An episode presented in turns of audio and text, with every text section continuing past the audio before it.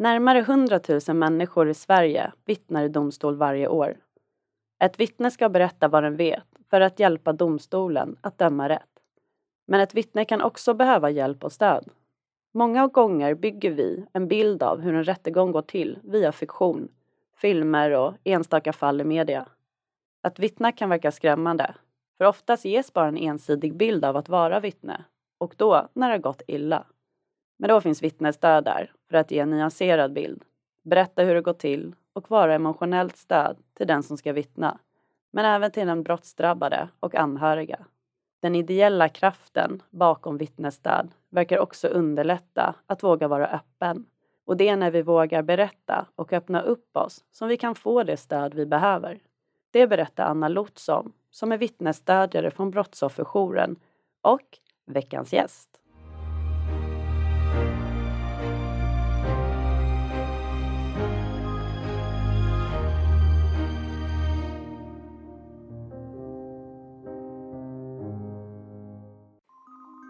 Hej och välkommen till veckans avsnitt av podden Idéburen välfärd.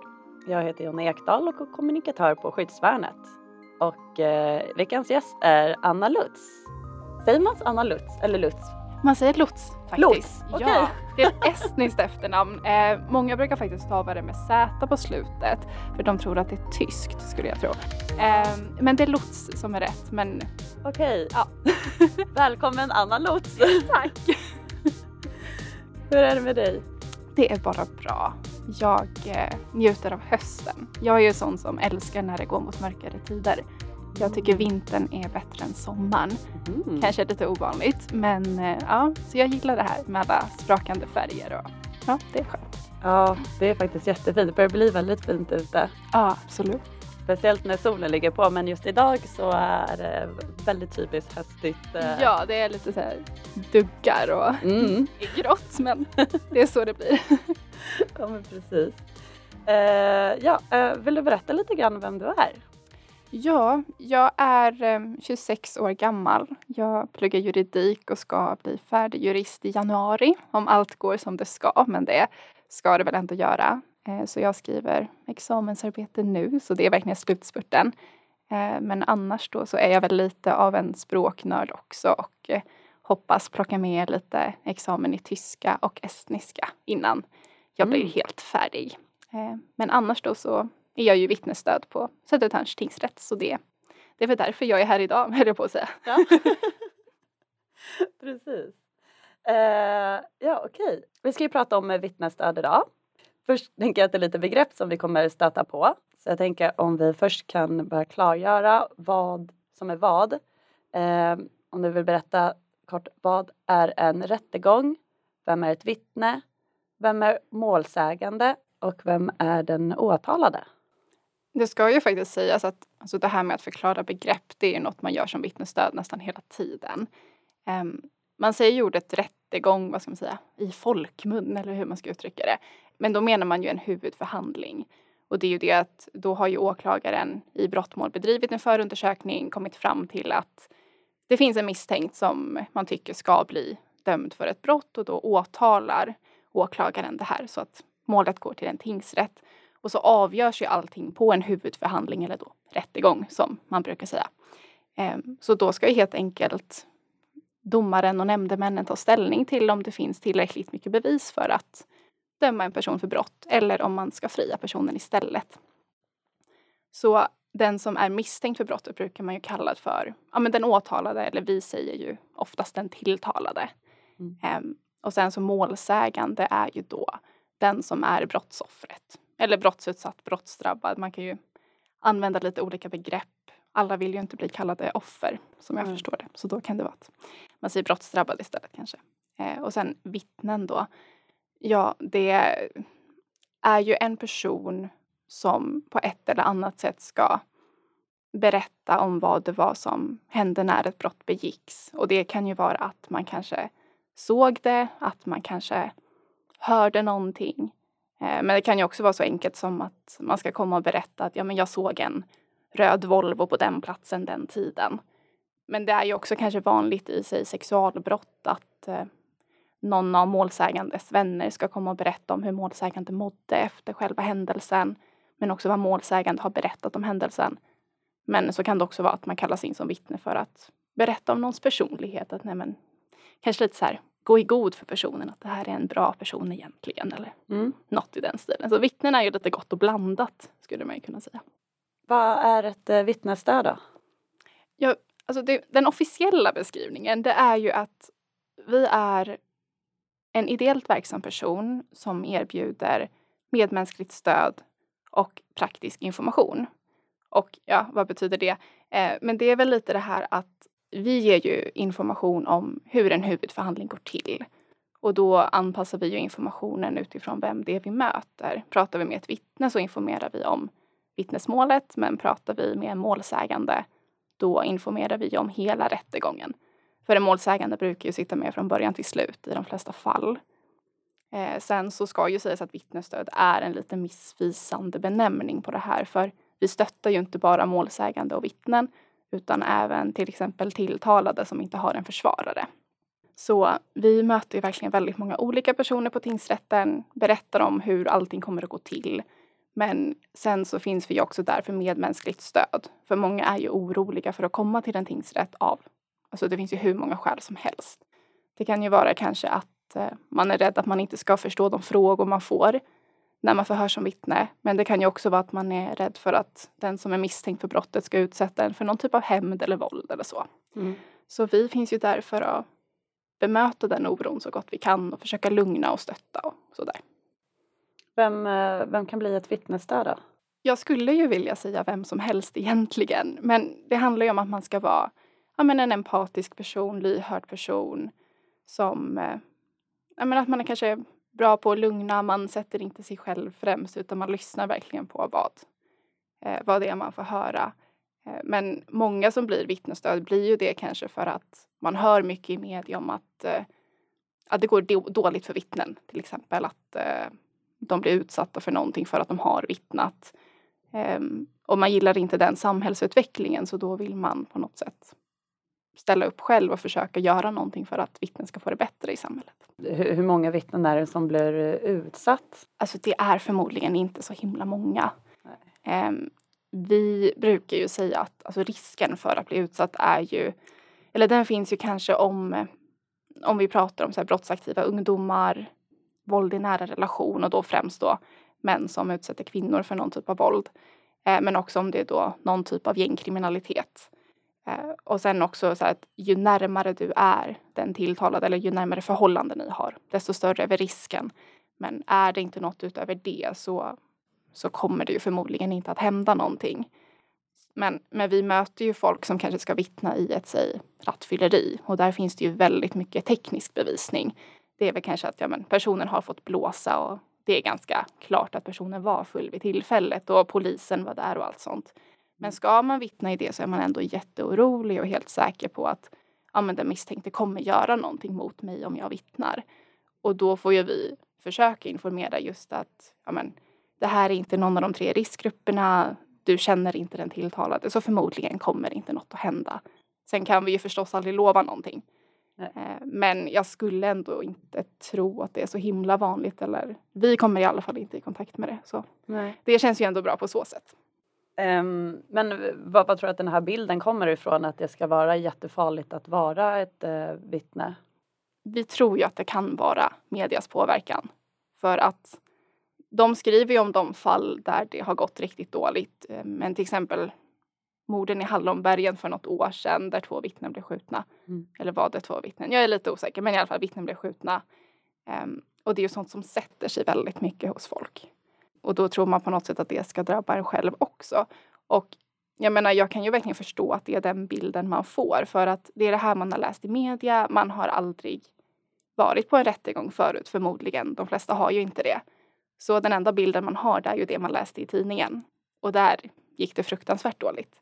Så då, ja, nej men det sätter sig verkligen på något sätt. Och mm. det, det är väl lite där vi kommer in att försöka nyansera bilden att det är kanske inte så hemskt som det verkar. Hur kommer det sig att eh, vi började med vittnesstöd i Sverige? Vi gjorde ju det eh, 1995 och då var det Brottsofferjouren i Växjö som startade på tingsrätten där. i samarbete med tingsrätten och eh, polisen på orten. Och man hade väl sett att det här var något som funkade bra i England där vittnesstöd startades 1989. Det var ett pilotprojekt i England och så permanentade man det efter två år för man såg att ja, men det blev tryggare vittnen efter att man gav dem lite stöttning och så. Um, så vi tog över det också och sen så verkar det funka bra i Växjö så det har ju spridit sig så småningom över resten av landet och numera så är det ju ett regeringsuppdrag sedan flera år tillbaka att det ska finnas vittnesstöd på landets alla tingsrätter och hovrätter. Det är ju mycket det här kanske att men är du lugn som vittne då kommer du minnas mycket bättre till exempel vad det var som hände och om du ger en mer fullständig berättelse då får vi med alla detaljer, då får vi mer rättvisa domar och det gynnar ju egentligen både målsägande och den som är tilltalad. Ehm, så det är väl mycket sådana aspekter. Men sen också kanske att vittnen kommer väl få ett bättre förtroende för rättsväsendet om den här upplevelsen av att vittna inte var helt fruktansvärd utan att man ändå kände att det fanns någon där för en som brydde sig om mig. Mm. Så det är nog lite sånt som spelar in skulle jag tro. Varför sker det på ideell basis? Det är någonting med att, hur ska man säga?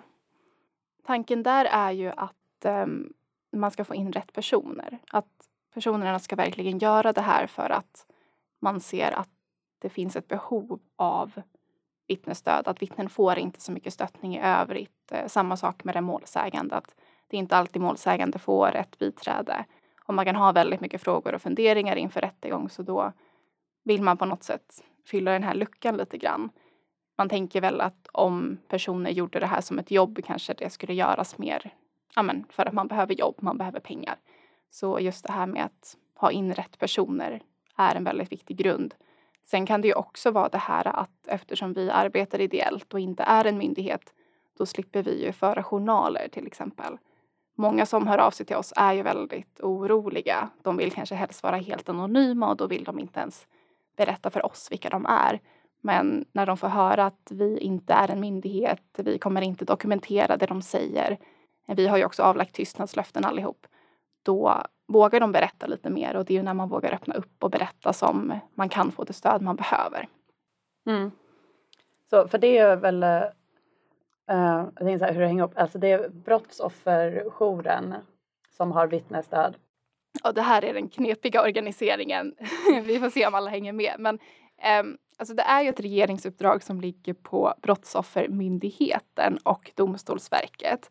Och då ska Brottsoffermyndigheten se till att det finns här nationella riktlinjer, utarbeta eh, hur utbildningen ska gå till och är ju också den som sköter Brottsofferfonden och det är ju därifrån verksamheterna får sina pengar. Och sen har vi Domstolsverket som mer ska se till att det finns förutsättningar rent praktiskt på varje tingsrätt att bedriva den här verksamheten. Och det kan ju vara att det finns kontor för vittnesstöden, att man har material och så vidare. Men sen så ligger ju arbetsgivaransvaret på Brottsofferjouren som i sin tur då har flera lokala brottsofferjourer och det är ju till varje sådan lokal brottsofferjour som vi vittnesstöd hör. Och eh, vår samordnare då som är den som bokar ut oss och ser till att vi har all information vi behöver och vidareutbildar oss och så, är ju anställd av den här lokala brottsofferjouren. Så det är en väldigt knepig organisation kan mm. man ju mm. säga. Och många tror ju att vi kanske är anställda av den tingsrätt där vi utför uppdraget för att vi gör det ju på tingsrätten i tingsrättens lokaler och informerar ju om det som har med tingsrätten att göra. Men vi är ju ideella och kommer från en lokal brottsofferjour. Så det, det är lite, ja, så det är. Ja. Men det är ändå ett så bra exempel på hur myndigheter och eh, ideella civilsamhället kan eh, jobba ihop. Ja men det är det ju. Absolut. Det tycker jag verkligen. Um, sen det vi kan se det är väl kanske det här att det är ju tyvärr inte alltid så att domstolarna riktigt förstår kanske vad det är vi gör. Um, även om vi liksom informerar om det så. Uh, och det kan ju vara just att det är en så enkel förklaring bakom det att eftersom vi inte är anställda av tingsrätten har ju inte vi men, del av deras interna konversationer och sånt och vi blir lite utomstående. Så uh, där kan det ju brista lite grann på något sätt att vi inte är närmare integrerade. Men, mm. men det varierar ju förstås också lite beroende på vilken tingsrätt man verkar på och sådär. Hur stort är behovet av eh, vittnesstöd? Jag skulle säga väldigt stort ändå. Men att eh, det är väl mest det att stödbehovet varierar ju väldigt, väldigt mycket. Ehm, men säg att man eh, har ett pass som vittnesstöd en dag på tingsrätten. Alltså det går ju inte en dag utan att du verkligen antingen informerar eller stöttar. Så det är väl mer att vissa behöver ju kanske bara väldigt kort praktisk information. Att när de får veta vad som kommer hända inne i rättegångssalen, då är de nöjda med det och man kanske bara pratade i någon minut. Men sen finns det ju de som verkligen alltså mår riktigt dåligt och behöver att man sitter med dem väldigt länge kanske. Och då är det mer den här medmänskliga stödbiten som är viktig för dem. Så alltså behovet är stort. Det, det varierar ju också väldigt mycket över vilka brottsrubriceringar vi har. Alltså om det är allt från en ringa stöld till till exempel ja, terrormålet på Drottninggatan. Vi finns ju högt och lågt. Mm. Um, sen kanske jag att vi blir, vad ska man säga, bokade på förhand att hjälpa till mer i mål där det är allvarligare brott. Men oavsett hur litet eller stort brottet är så stöttar vi ju alltid om det finns någon som behöver stöd. Eh, finns det några grupper i samhället som ni ser som är i större behov av eh, olika typer av stöd eller är det lite olika bara? Alltså jag tror det är väl att det varierar över grupperna men att jag skulle nog tro att ungdomar kan behöva lite mer stöd än andra. Eh, både för att de ofta tycker kanske att det är jobbigare att prata inför folk och att när man deltar på rättegång så gör man ju det inför men, domaren, nämndemännen, åklagaren, försvararen, allt sånt där. Eh, och att de kan vara lite mer oroliga för sina reaktioner. Att ja, men, vad händer om jag börjar skratta? Kommer de tro att jag ljuger då? Mm. Men man kan ju börja skratta för att ja, men, hela situationen upplevs som helt bisarr eller konstig bara. Mm. Eh, eller kanske att ja, men, jag vill inte börja gråta, det känns jättejobbigt. Sen så om man ska komma som vittne eller målsägande till tingsrätten och är under 18 då kommer ju vårdnadshavarna med också. Och det är ju inte alltid man vill kanske ha med föräldrarna när man ska prata om någonting som var en ganska jobbig händelse mm. och som kanske har berört en personligen väldigt mycket. Men sen så Alltså förutom ungdomar, eller just det angående ungdomar också.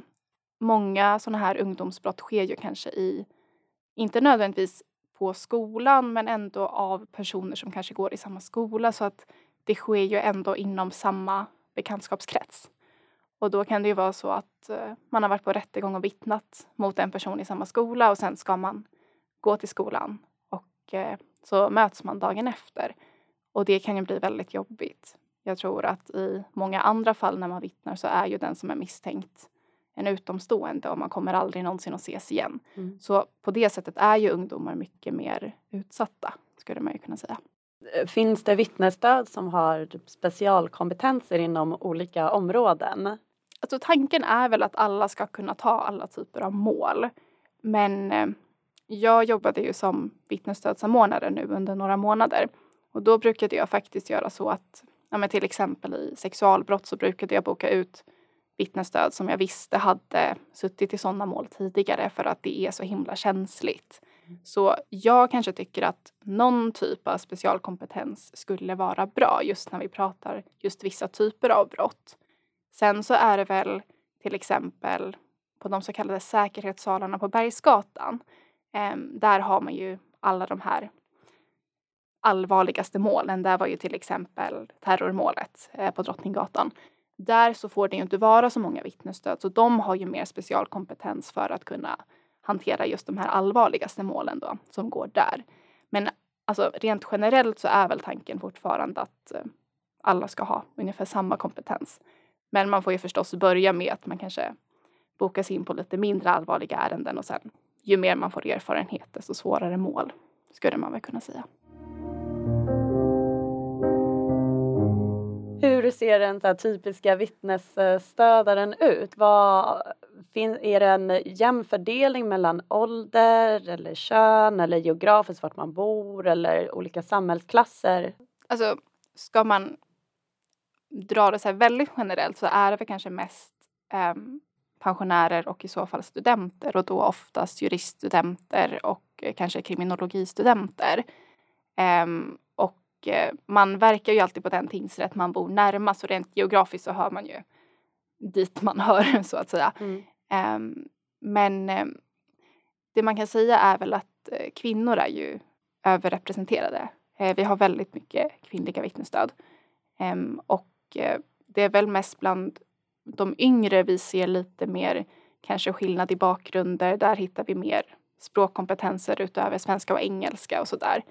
där. och våra äldre pensionärer, där är det ju det är ändå lite gott och blandat vad man har för bakgrund. Alltså många har ju kanske någon typ av att man arbetar som psykolog eller jurist eller haft något arbete med människor. Men det är ju inte nödvändigtvis så att alla har en akademisk bakgrund heller. Så det, mm, det varierar lite.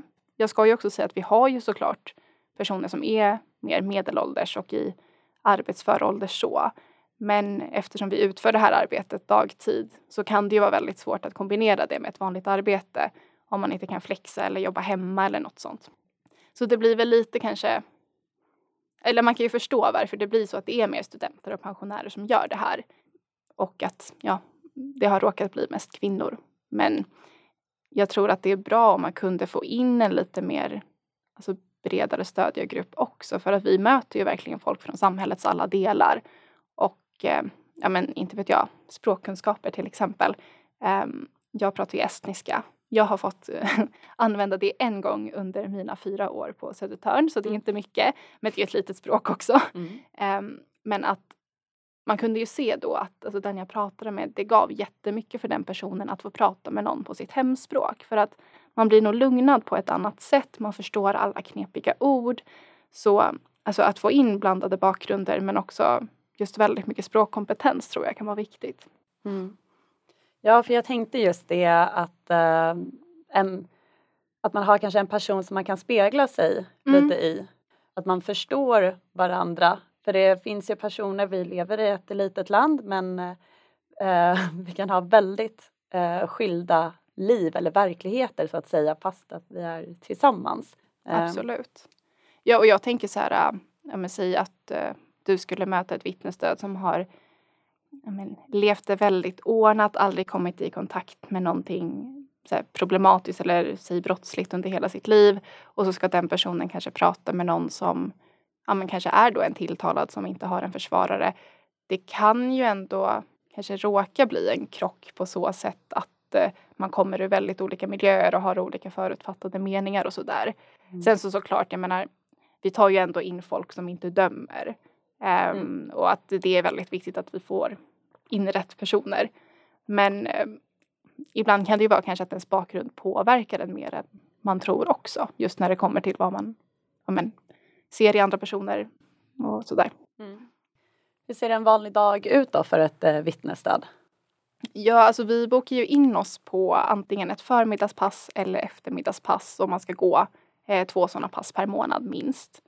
Um, så då kommer man till tingsrätten, eh, går igenom säkerhetskontrollen, det är ju lite som på Arlanda. Mm.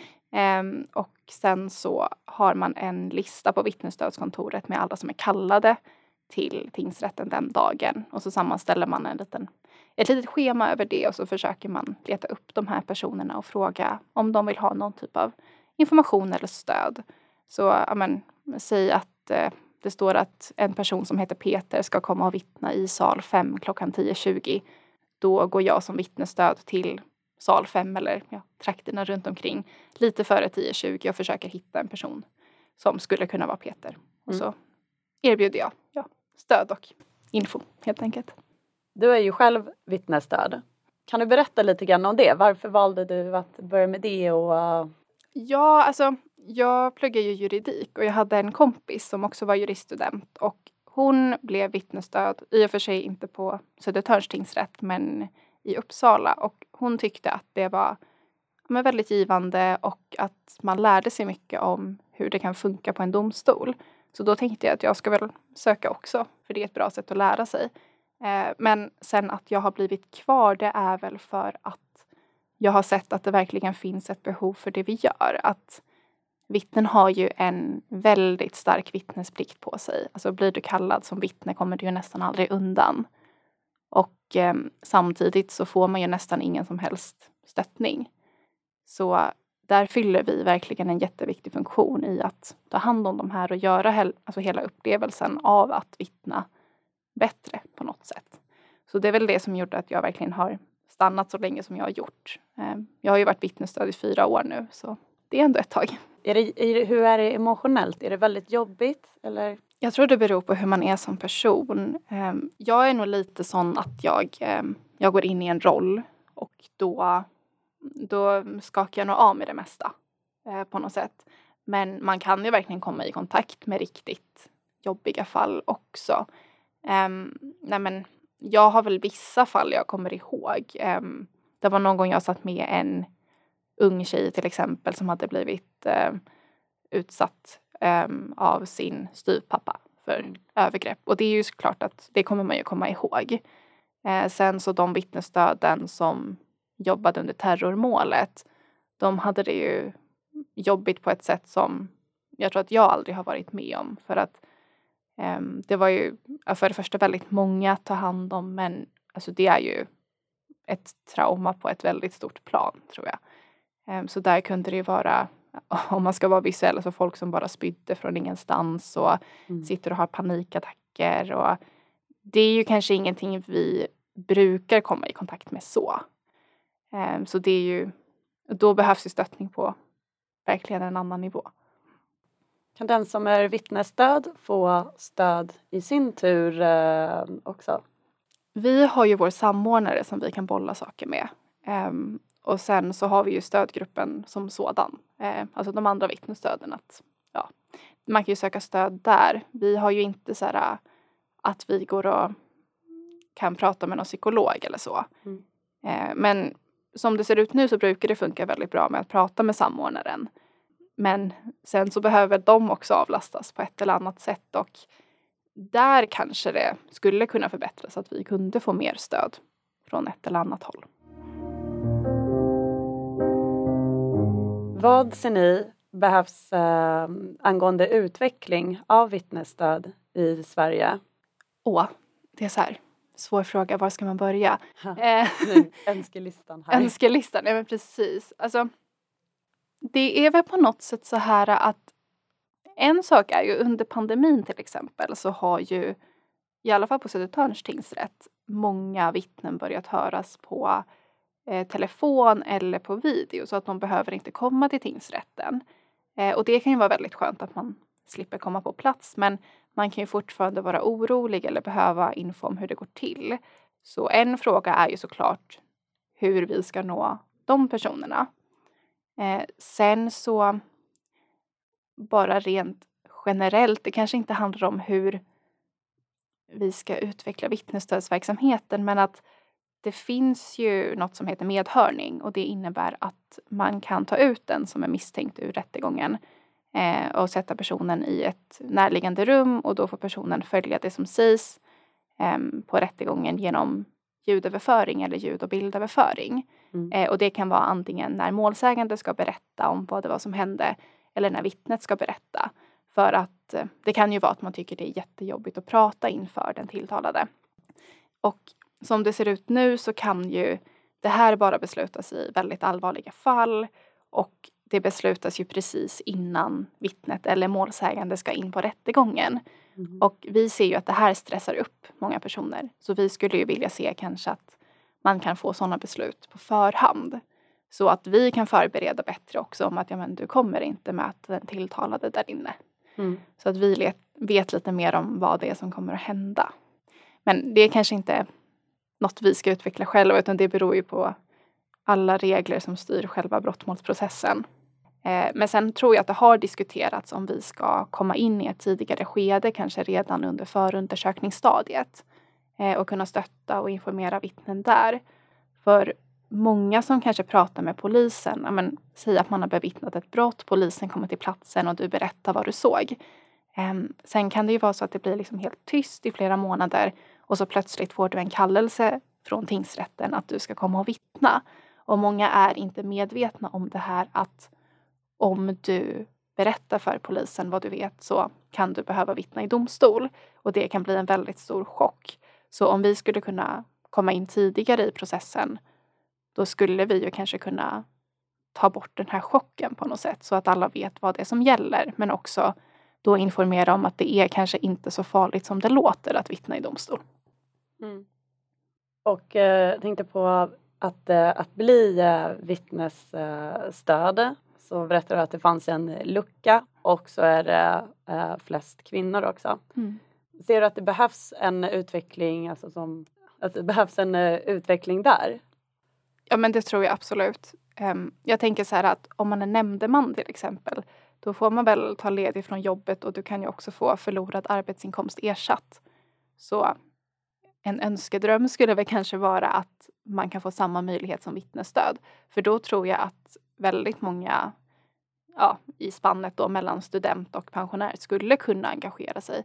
För att jag tror att det ändå skulle finnas en vilja att göra det. Men att möjligheten gör att det inte går. Mm. Och sen, ja, hur man ska få in fler män. Det, ja, det är en fråga också. Men när, det kanske påverkar lite vad dina kompisar gör. Om jag har en kompis som är vittnesstöd och tipsar mig om det som student. Men jag tänker så här att eh, man måste väl komma i kontakt med det på något sätt. Och om det inte finns några killar som gör det här då kanske steget blir större att inga andra killar gör det heller. Om det är någon som sitter och lyssnar och är lite intresserad utav att eh, vara vittnesstöd om du drar en liten säljpitch för att bli vittnesstöd, vad skulle du säga? Oh, jag skulle säga så här att um, man kommer märka att man gör skillnad. Du gör skillnad vartenda arbetspass du gör. Plus också att du får riktigt, riktigt spännande vidareutbildningar inom en mängd olika områden. Alltså det kan vara att man får besöka rättspsyk ute i Flemingsberg till att eh, ha en föreläsning med åklagaren i terrormålet om hur allt gick till där. Så du kommer verkligen göra något viktigt och du kommer att lära dig väldigt, väldigt mycket på kuppen. Så det var något sånt. Mm. Det lät jätte... Det var bra. Ja, det var bra. Då har jag bara en sista fråga. Åh, spännande. ja. Eh, och det här är en fråga som vi brukar ställa till eh, alla poddgäster. Jag har alltid ställt då frågan om de kan berätta något oväntat eller något roligt om sig själva. Men jag tänkte köra en lite annorlunda fråga Aha. idag. För det här är också vårt femtionde poddavsnitt.